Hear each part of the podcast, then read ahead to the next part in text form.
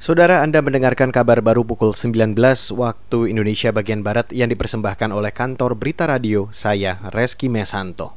Pemerintah saat ini tengah mengkaji sejumlah lembaga dan komisi yang rencananya akan dihapus. Kepala Staf Presiden atau KSP Muldoko mengatakan, pengkajian dilakukan Kementerian Pendayagunaan Aparatur Negara dan Reformasi Birokrasi.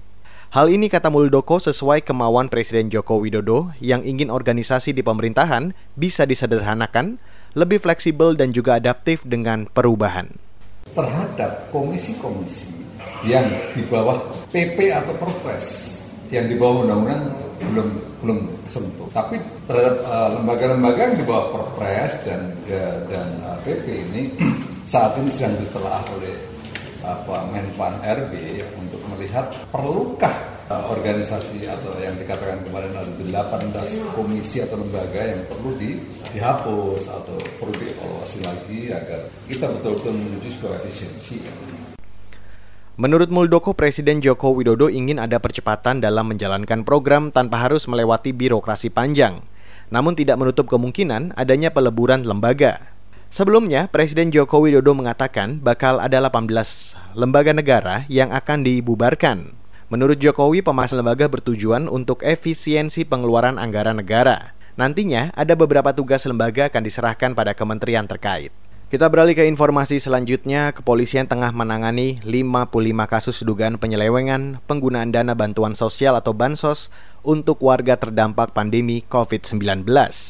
Puluhan kasus itu tersebar di 12 provinsi, antara lain di Jawa Timur, Riau, Banten, Nusa Tenggara Timur, Nusa Tenggara Barat, Sulawesi Tengah, dan terbanyak di Sumatera Utara dengan 31 kasus.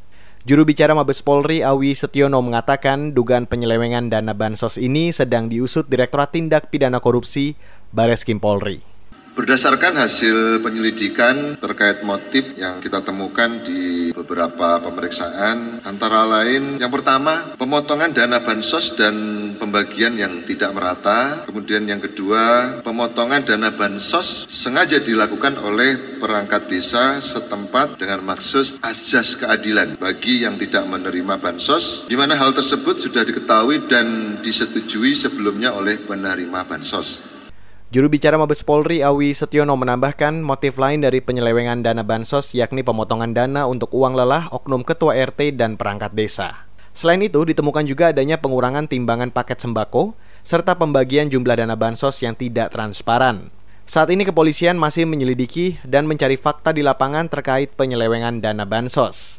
Kata dia, penyelidikan dari Polri tidak akan mengganggu proses distribusi bansos ke warga terdampak COVID-19.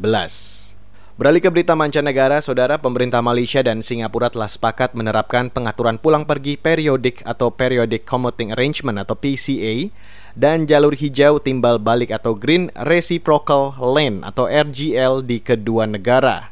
Mengutip antara Kementerian Luar Negeri Malaysia hari ini menyatakan dua skema itu disepakati untuk memenuhi kebutuhan berbagai kelompok wisatawan lintas batas antar kedua negara. RGL untuk perjalanan lintas batas dengan tujuan bisnis penting dan resmi antara Singapura dan Malaysia, sedangkan PCA untuk warga kedua negara yang memiliki izin imigrasi jangka panjang agar bisa keluar masuk guna keperluan bisnis dan pekerjaan. Penerapan kedua skema itu diharapkan dilakukan pada 10 Agustus mendatang.